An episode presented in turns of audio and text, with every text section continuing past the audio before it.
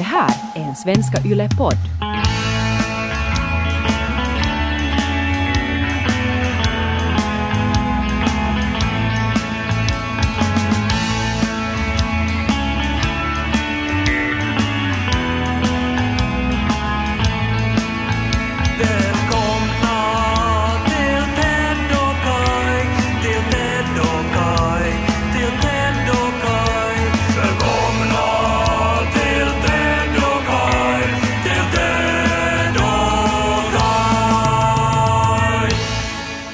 Kan vi bara börja med att lyssna på Erik Cantonas tal på den här prisgalan när han får pris för att han är en så bra fotbollsspelare.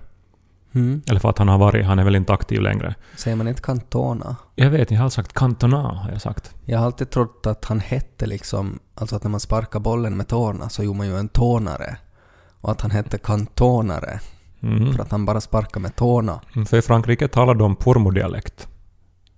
Ja, det är sant. Jag borde kanske ha märkt att det var lite konstigt. Vi lyssnar. Uh, as flies to wanton boys, we are for the gods. They kill us for the sport. Soon the science will not only be able to slow down the aging of the cells, soon the science will be will fix the cells to the state. And so we become eternal. Only accidents, crimes,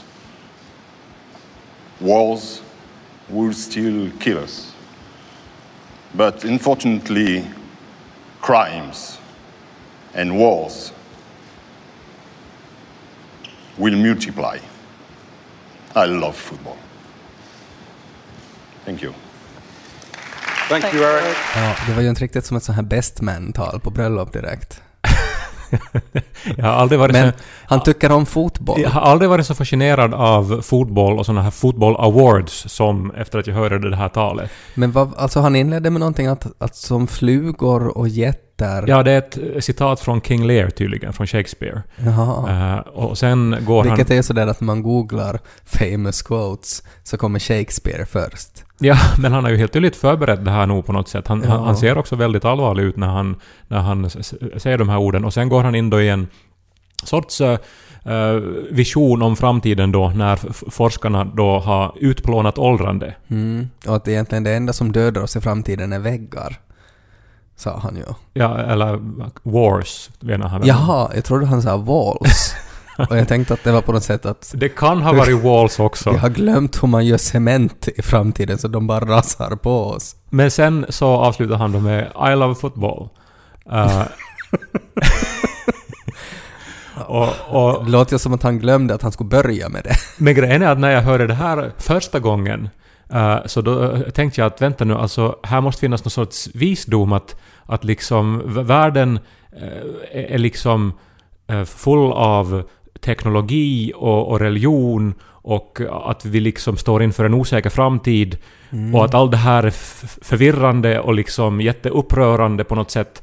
Men i sporten så kan vi leva på något vis i stunden och, Ja. och glömma allt det här. Världen är svår, men om man älskar fotboll så kan man åtminstone förstå det. Ja, för jag såg ju då, för här är ju då alltså Ronaldo i pu- pu- publiken och liksom applåderar då Ja. sin, sin hjälte. Mm. Och, och, och det här... eh, Men, men, men, men sen har jag då lyssnat på det några gånger och, och det, det, det är precis så här. Kan det vara någon kod då? Om man tar liksom första bokstäven i alla de här meningarna, att blir det då någonting? Men jag tänker också så här på hur många gånger jag har eh, ställt mig inför en publik av olika orsaker utan att vara riktigt förberedd. För att det händer då och då. Alltså att, att, att nu förväntas man ha någonting att säga om någonting. Mm. Och jag, jag är alltid skräckslagen. Och det är så här jag efteråt tänker att jag låter.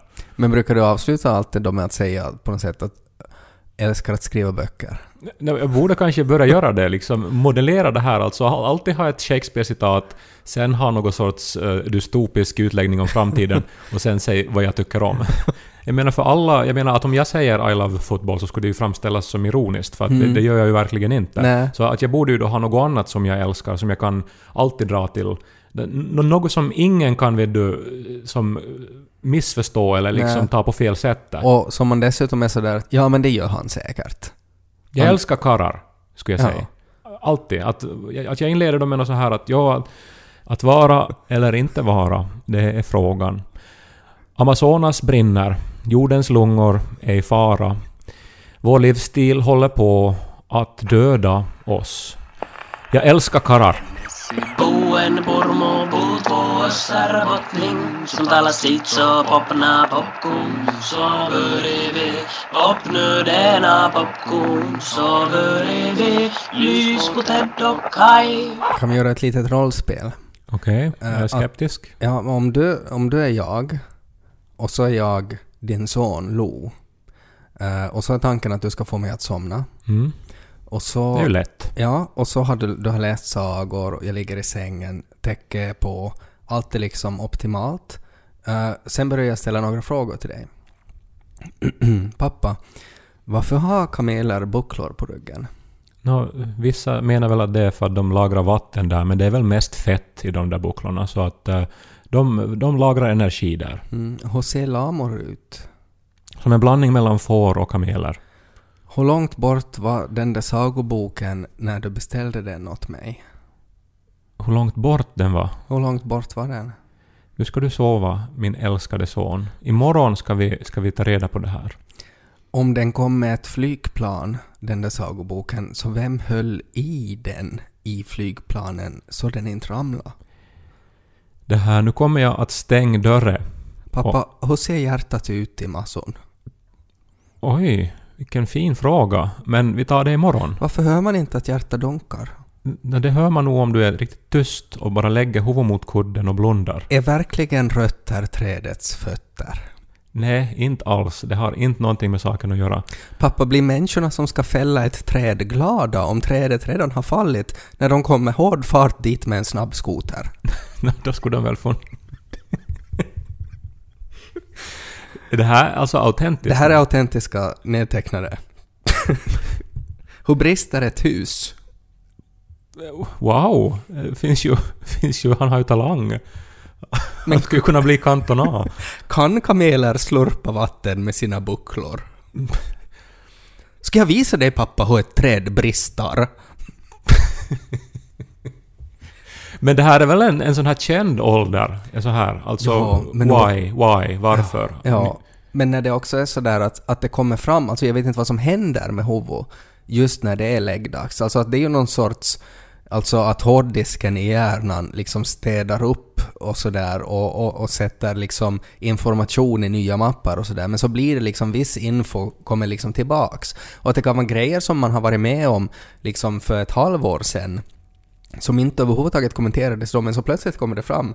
Pappa, varför skrek du så där när den där spindeln hoppade på dig? Och så har man liksom inte alls diskuterat det och så är det så här, vänt nu, ja, alltså det där som skedde för en månad sedan. Ja.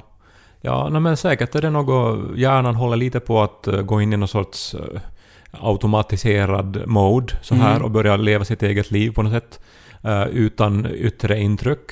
Eh, och, och sen så liksom är det en övergångsperiod när den, när den liksom... När elimpulsen... Alltså det här, jag mansplainar här nu men det måste ju vara något sånt. Jag inser ju att jag är ju precis som Cantona när jag försöker formulera de här svaren på hans frågor. Att jag börjar prata om kamelbucklor och så börjar jag prata om att det, forskarna håller på med allt möjligt och framtiden kanske vi inte åldras längre och det är jätteviktigt men eh, jag älskar dig, natti natti!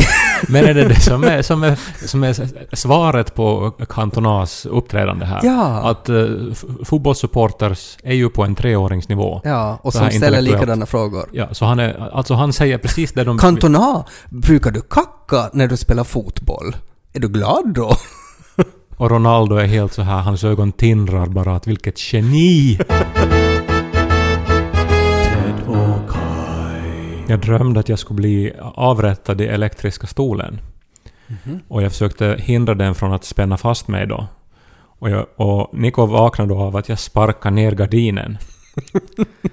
Det sparkade ganska högt så. Nå, vi, vi, har, Det var en lång man som skulle få in dig i stolen. vi har sängen alltså nedanför fönstret. Ja. Vilket mamma lärde mig att man inte ska ha. Det är livsfarligt. För att blixten kan slå ner och så kan det spränga glas över en på natten. Jaha. Men vi trotsar mamma i det här och det var då orsaken till att jag då hade gardinen relativt nära till hands. Vaknade du, alltså då när du liksom karate sparka Niko då och gardinen, eh, så blir du direkt sådär att åh, jag drömde att jag skulle få elektriska stolen. Ja.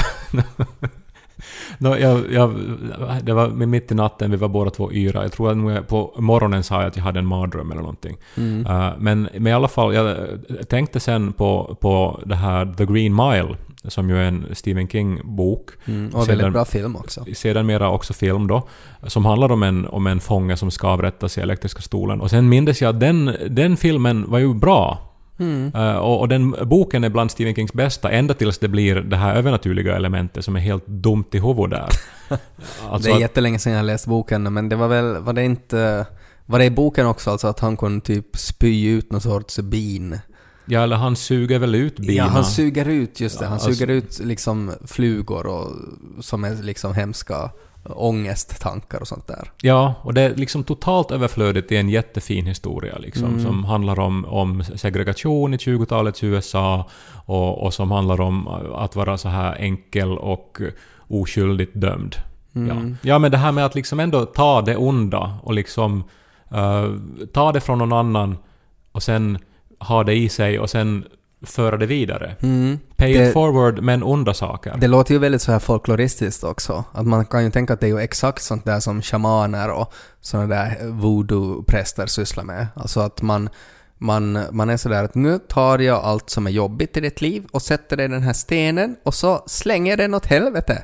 Nu är du botad. Minns du när vi bodde i Åbo och gjorde ett sketchprogram som heter Radio Pleppo? Mm. Ja, vi jobbar ju hårt med det programmet. Ja. Och vad fick vi för tack? Ett brev från FPA att vi måste betala tillbaks, om inte jag minns fel, 1800 euro i studiestöd. Ja. För att vi hade gjort lite för mycket roliga sketcher. Ja, och det var nästan typ allt vad vi hade fått som lön Ja, också. Ja, och inte hade vi ju så mycket pengar på konto. För det här var ju var också retroaktivt, att vi måste på något vis trolla fram pengar nu då. Nå, vi trollade fram nya sketcher och så fick vi lön och så betalade vi det till FPA och vet du vad vi gjorde? Minns du det? Mm, vi hade väl någon sorts ritual? Ja. Vi tog våra, våra kravbrev, alltså våra betalda kravbrev, så att vi hade ju redan gått med på det. Ja. Men så tog vi alltså minnet av dem ut på balkongen eh, och så eldade vi upp dem. Det är ju på något sätt sådär som att när Bamse blir riktigt arg så gör han ju sådär att han har nog betalat räkningarna. Men det, alltså vi var ju helt uppenbart också orättvist behandlade, men, men vi protesterade inte mot FBA, utan vi gjorde som de ville och sen hade vi en tyst protest. Ja. Men det som hände nu då var att eh, jag mindes att jag eh, var i Åbo en dag. Eh, Det här måste ju vara mer än tio år sedan då, för att jag har bott tio år i Helsingfors redan. Och stod på trottoaren utanför huset där vi bodde och pratade med en studiekompis. Och det var en jättefin vårdag. Och vi hade bra filis och vi skrattade. Och eh, det här... Från ingenstans plötsligt så kommer en cykel körande rakt in i mig. Och eh, jag liksom rycker till och, och strittar till sidan. Eh, Det liksom var mera så här en liten stöt än en, en r- rak kollision. Ja. Men det som dock kolliderar med- med mig så är cyklistens vrede. Mm. Skriker ”Vittu satana, mitä sä teet?” Och, och, och jag har ju bara stått liksom eh, och pratat med min kompis och Men stod du på cykelvägen då? Jo, det var ju Ja. det som det visade sig att Ja. jag gjorde. Men det hade jag Okej. i, inte haft någon aning om, för vi hade haft så trevligt samtal och vi bara gick där på trottoaren Ja. och märkte inte att vi då gled över in i cykelfilen. Filen. Förstås. ja, sånt kan ju hända. Ja. Jag, jag har ju aldrig glömt det här. Nej. Jag blev ju som så liten Mm. av det här. Ja, man är, man är sällan beredd på så här ilska som är liksom på hundra, när det har varit på noll. Att det kommer sådär pang på, liksom ett, ett liksom... Det kan ju vara år av ilska som man får på en gång av en cyklist till exempel. Jo, och, och, och jag blev ju så omedelbart oändligt medveten om att jag hade gjort fel. Och jag bar med mig en sån här skam för att jag hade orsakat den här otroliga rättfärdiga vreden i den här Mm. cyklisten. Och, och liksom eh, spelar ingen roll då att det, det gjorde ju ont i mig också från den här Nej. stöten och att liksom... Eller att han kunde plinga eller cykla runt. Eh, Ja, utan jag var bara medveten om att ja, men jag stod på cykelvägen. Hur kunde jag vara så dum? Och eh, jag har ju burit med mig det här. Eh, alltså jag har aldrig glömt det här. Alltså då och då återkommer jag till den här känslan. Men på något sätt har jag börjat nog förstå också att det här straffet som jag fick för den här försyndelsen så är ju inte proportionerligt Nej. till mitt brott. Nej. Att tio år av, av trauma ska man ju inte behöva få för att man har vandrat in i en cykelled. Nej, det är ju att skulle det på något sätt, alltså att en jury eh, och en domstol skulle utfärda det, att det att du stod i vägen när han cyklade på väg till jobbet, så dömer vi dig till tio år av emotionellt trauma, så skulle nog folk reagera på att lite mycket, kanske.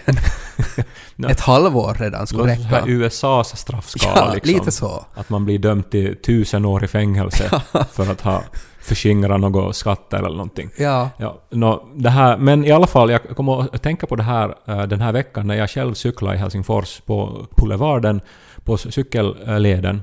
Mm. Och eh, är på väg eh, på ett spännande möte, jobbmöte. Och eh, det här, ha bra filis, lyssna på någon bra musik. Nick Cave förmodligen, som var i Helsingfors. Jag har lyssnat så mycket på Nick Cave nu. Vilken fantastisk artist.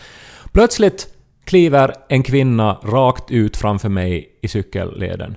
Och jag nitbromsar, men det är omöjligt att liksom hindra en sorts liten kollision. Och hon rycker till och jag rycker till och jag skriker ”Vittu satana, mitä sä teet?” Oj nej. och, och, och jag ser i hennes blick när den skrämda, det, det skrämda ansiktet möter mitt Ja. att nu har jag gett vidare den här skammen. Tio år av emotionellt trauma. Ja, Kaching. precis. Och jag ser i hennes blick att nu, nu, nu, nu är det hennes tur. Mm. Och, och, och jag ser smärtan och jag ser skammen och jag, och, och, och jag ser de kommande åren. Men Mm. samtidigt så känner jag också en stor lättnad. Ja, du har fört det här onda vidare. Dels den här förståelsen över att uh, cyklisten eh, i Åbo då för, för tio år sedan, inte var ju det här en jätteenorm grej för honom. Han blev Nej. bara i stunden väldigt arg, men det var ju ingenting som betydde någonting större för honom. Mm. Han eh, minns ju inte det här förstås nu. Tänk om det har varit så att det var liksom att när den här ena grottmannen uppfann hjulet för första gången och så hjulade han omkring och så var det en annan grottman som sta- stannade framför honom och så skrek han ”Vad fan, vad helvete håller du på med?” Och så fick den här ena grottmannen då ångest eh, och så startade den här och sen gav han det vidare och så har det liksom den här förbannelsen av det här mitä vittua sä teet har liksom gått vidare från generation till generation till generation till generation genom dig och till den här kvinnan som nu då tar det vidare till nästa person. Ja, det är mycket möjligt att det är så. Men har du någonting sånt i dig som, som, som skaver, så ge vidare det.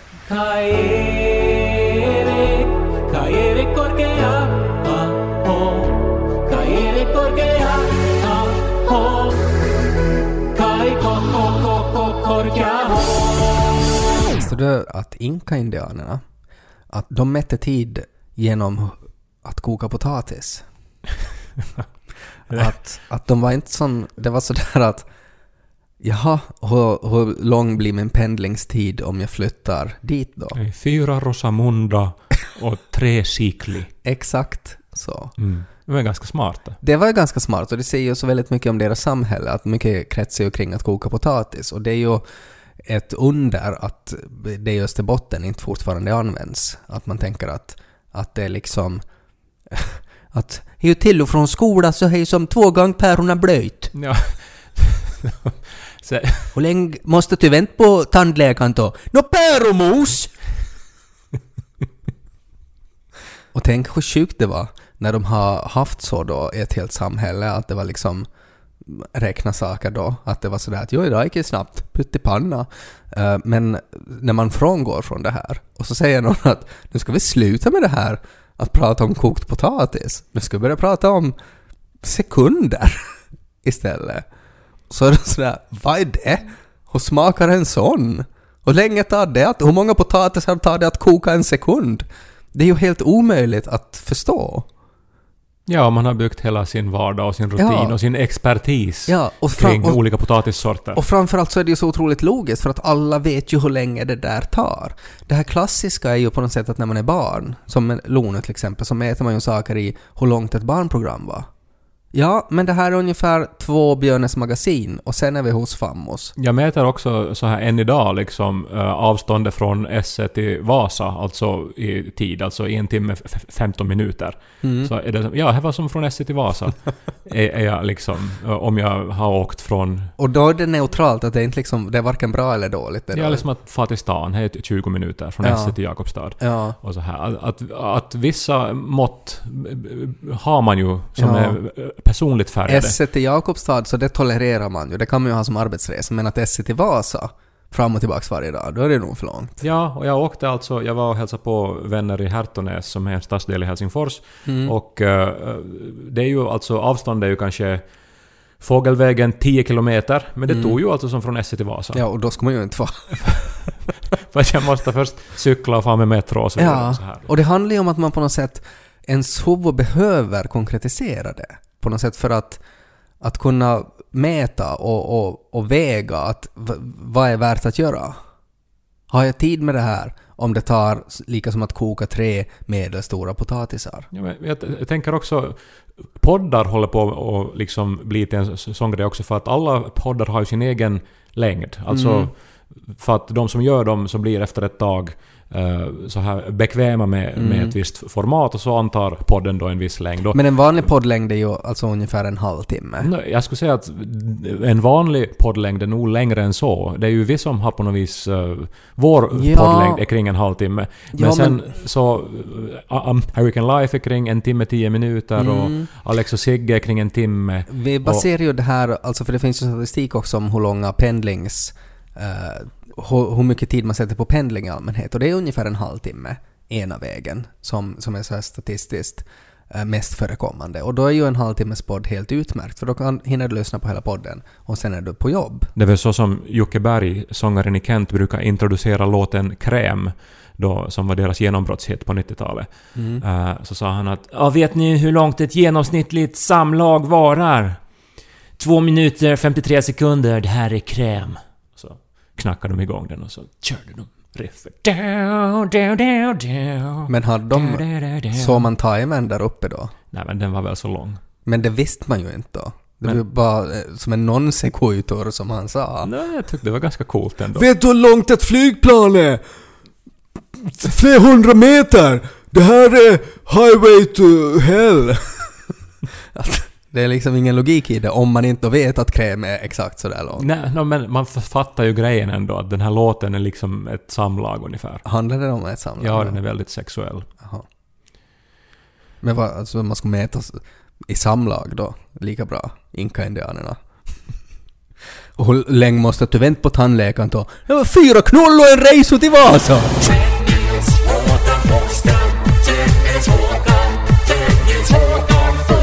Ikväll är det dags! Jag har väntat faktiskt, alltså kanske hela, hela mitt vuxna liv på det här. Jaha. Och eh, nu börjar det. Och jag har bra platser. Och Niko kommer med. Han, han är motvillig. Men jag ska nog jag ska bevisa för honom att det här, det här är pyramiden. Det här är Grand Canyon. Det här är hans nya största upplevelse. Jag tycker överlag att jämföra Grand Canyon med pyramiderna tycker jag är lite tokigt. Nå, För pyramiderna har man ju liksom byggd av slavar. Okej, det var av slavar. Inte så nice. Men det är ändå människor som har gjort det. Grand Canyon var ju typ en asteroid. I love football. men... Jo, men okej. Men eh, ja, det var en orättvis jämförelse på det sättet att det som vi nu ska vara eh, med om så är alltså no, den västerländska kulturens kanske eh, största stund. Alltså det, det, det bästa... Västerländska kulturens största stund. Ja. Alltså Michelle Obama sa ju att det var musikalen Hamilton. Mhm. Att det är liksom the greatest piece of art ever made. Det, det tror jag Kai Korka har också sa. Ja, jag, jag har väl citerat Michelle Obama i Jaha. den här frågan. Mm. Men eh, det här, alltså nu är väl faktiskt eh, intellektuella människor. Nu, Till skillnad från Michelle Obama. Nå, Hon är väl inte så intellektuell? Nå, nu är hon väl det. Nej men är hon akademiker? Är hon... Nu är hon väl det. Ja, men är hon expert på sitt område? Se- Alltså ja, nu är hon väl det. musikaler? Nå, men det är väl inte hennes område? Nej, men okej. Men ikväll ska vi då se eh, första delen av Nibelungens ring. Ja, men det är väl inte västerländska kulturens ultimata något. Folk är överens om att, om att det är det bästa stycket Det kan alltså... När kultur som har skapats. du, du kan säga att folk på något sätt som ”Kyllä kansat äter”. det är väl några, alltså av eliten som anser att det är kanske den bästa operan. Nej, al- alltså inte... Alltså, utan det, det främsta konstnärliga uttryck människan har åstadkommit är Nibelungens ring.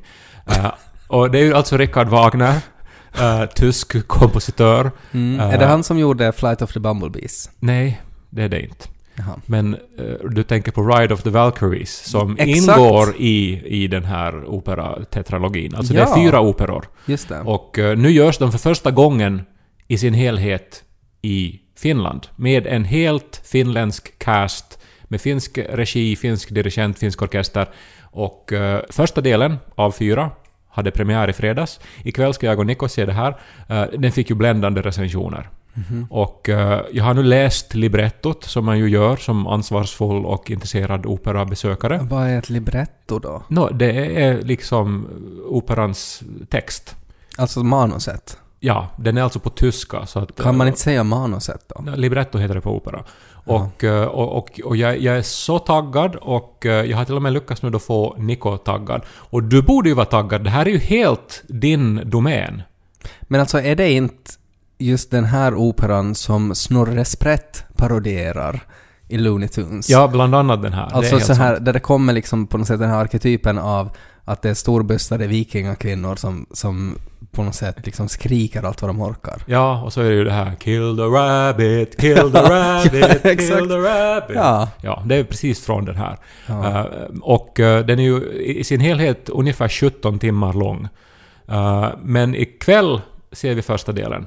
Och det är ju alltså, det är ju, det är ju, det är ju dvärgar, det är jättar, det är gudar, det är Tor och Oden och det är Freja och det är, det är Mm. krig, Alltså sånt går jag ju magiska igång på. ringar, Ja, allt sånt, drakar på scen. ja, allt sånt går jag igång på. Ja. Men det är bara det där att när det är opera. Att varför måste det vara opera? Varför kan det inte vara... Alltså allt det här som du går igång på, tonsatt till den vackraste musik som men någonsin har skrivits, ju- framförd av de mest tränade, talangfulla musikerna man kan hitta på planeten. Men man hör ju inte vad de säger. Nej men man, därför läser man därför, Alltså opera textas ju. Och, det, och de sjunger dessutom på tyska, så om inte man kan tyska så häng, hänger du inte med. Men fast man kan tyska så förstår man ju inte vad de säger. Det är det som är problemet med opera. Men opera, man måste ju inte ens höra vad de säger för att musiken berättar ju vad som händer. Alltså det är ju, det är ju att musikens eh, kraft för historien fram. Man kan liksom se via musiken vad som händer på scen. Förstod du någonting av det där? Så att när Janika är arg för att jag inte har städat så kan jag liksom spela något från Spotify istället. Ja, och så skulle säga kunna- att det här är mitt svar. Ja, men det skulle ju funka. Alltså, Avimmawe, avimmawe. Du Och så sådär, ja, det förstår jag. nu skulle du hitta musik som skulle illustrera eh, hur det känns. Och det är ju det här som Wagner då var e- expert på, att han, han liksom lyckades ju eh, tonsätta de här otroligt komplexa känslorna och skeendena som händer i den här historien. Du nämnde att Nico var motvillig, varför är han det då?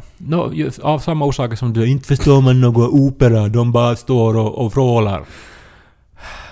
Va, I vilket skede blev du så här positivt inställd till opera då? För att jag har inte kommit dit ännu. Nej, Och jag vi minns när- ju när alla när jag skulle köpa 30-årspresent Ja, till dig. och, och jag skäms för det. Det är Mm. på samma sätt som du vaknar, sparkar ner gardinen och skriker att du hamnar i elektriska stolen så kan jag vakna, sparka ner gardinen och skrika att vi måste få på den där satans operan. Ja, till saken hör att det här presentkortet eh, som var betalt så eh, gick ju ut Ja, oanvänt. det gick ut oanvänt för att jag glömde bort att det hade en deadline.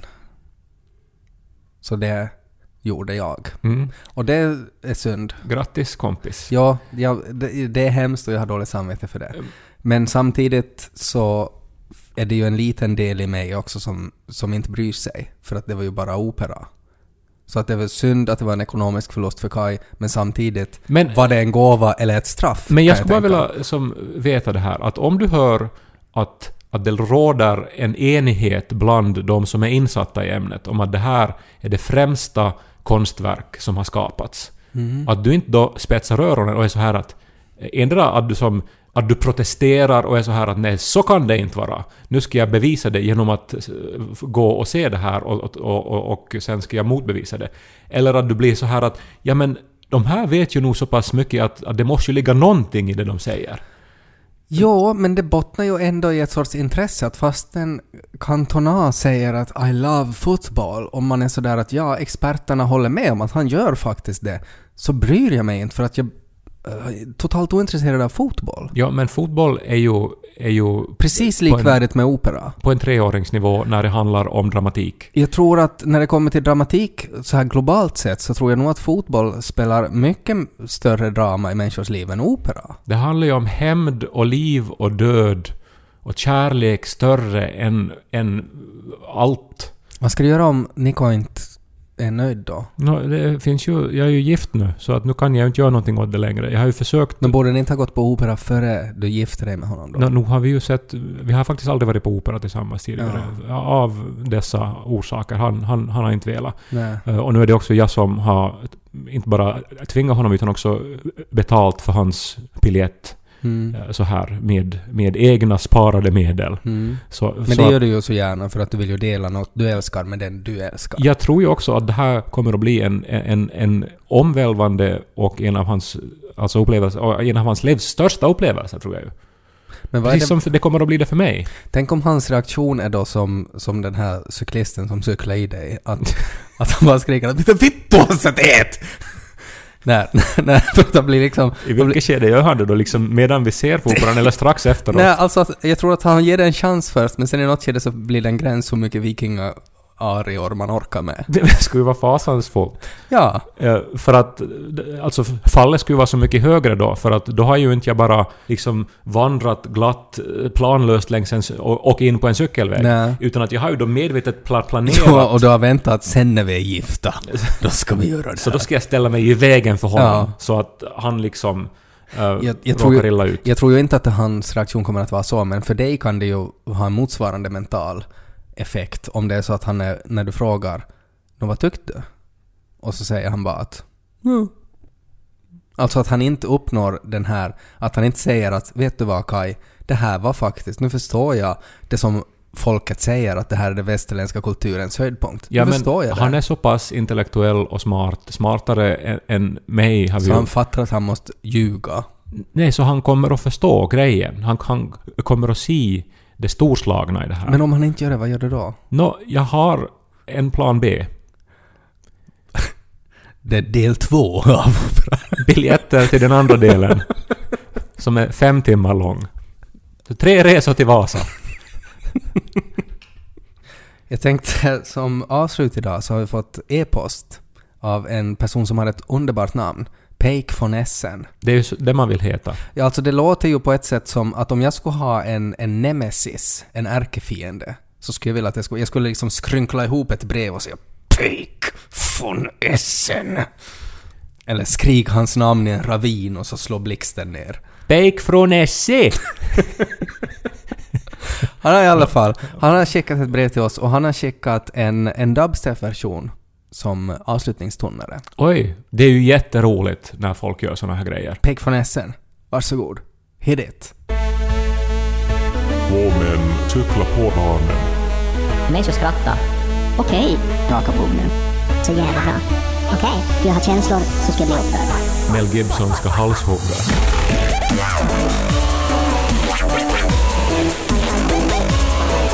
Mel Gibson. Household.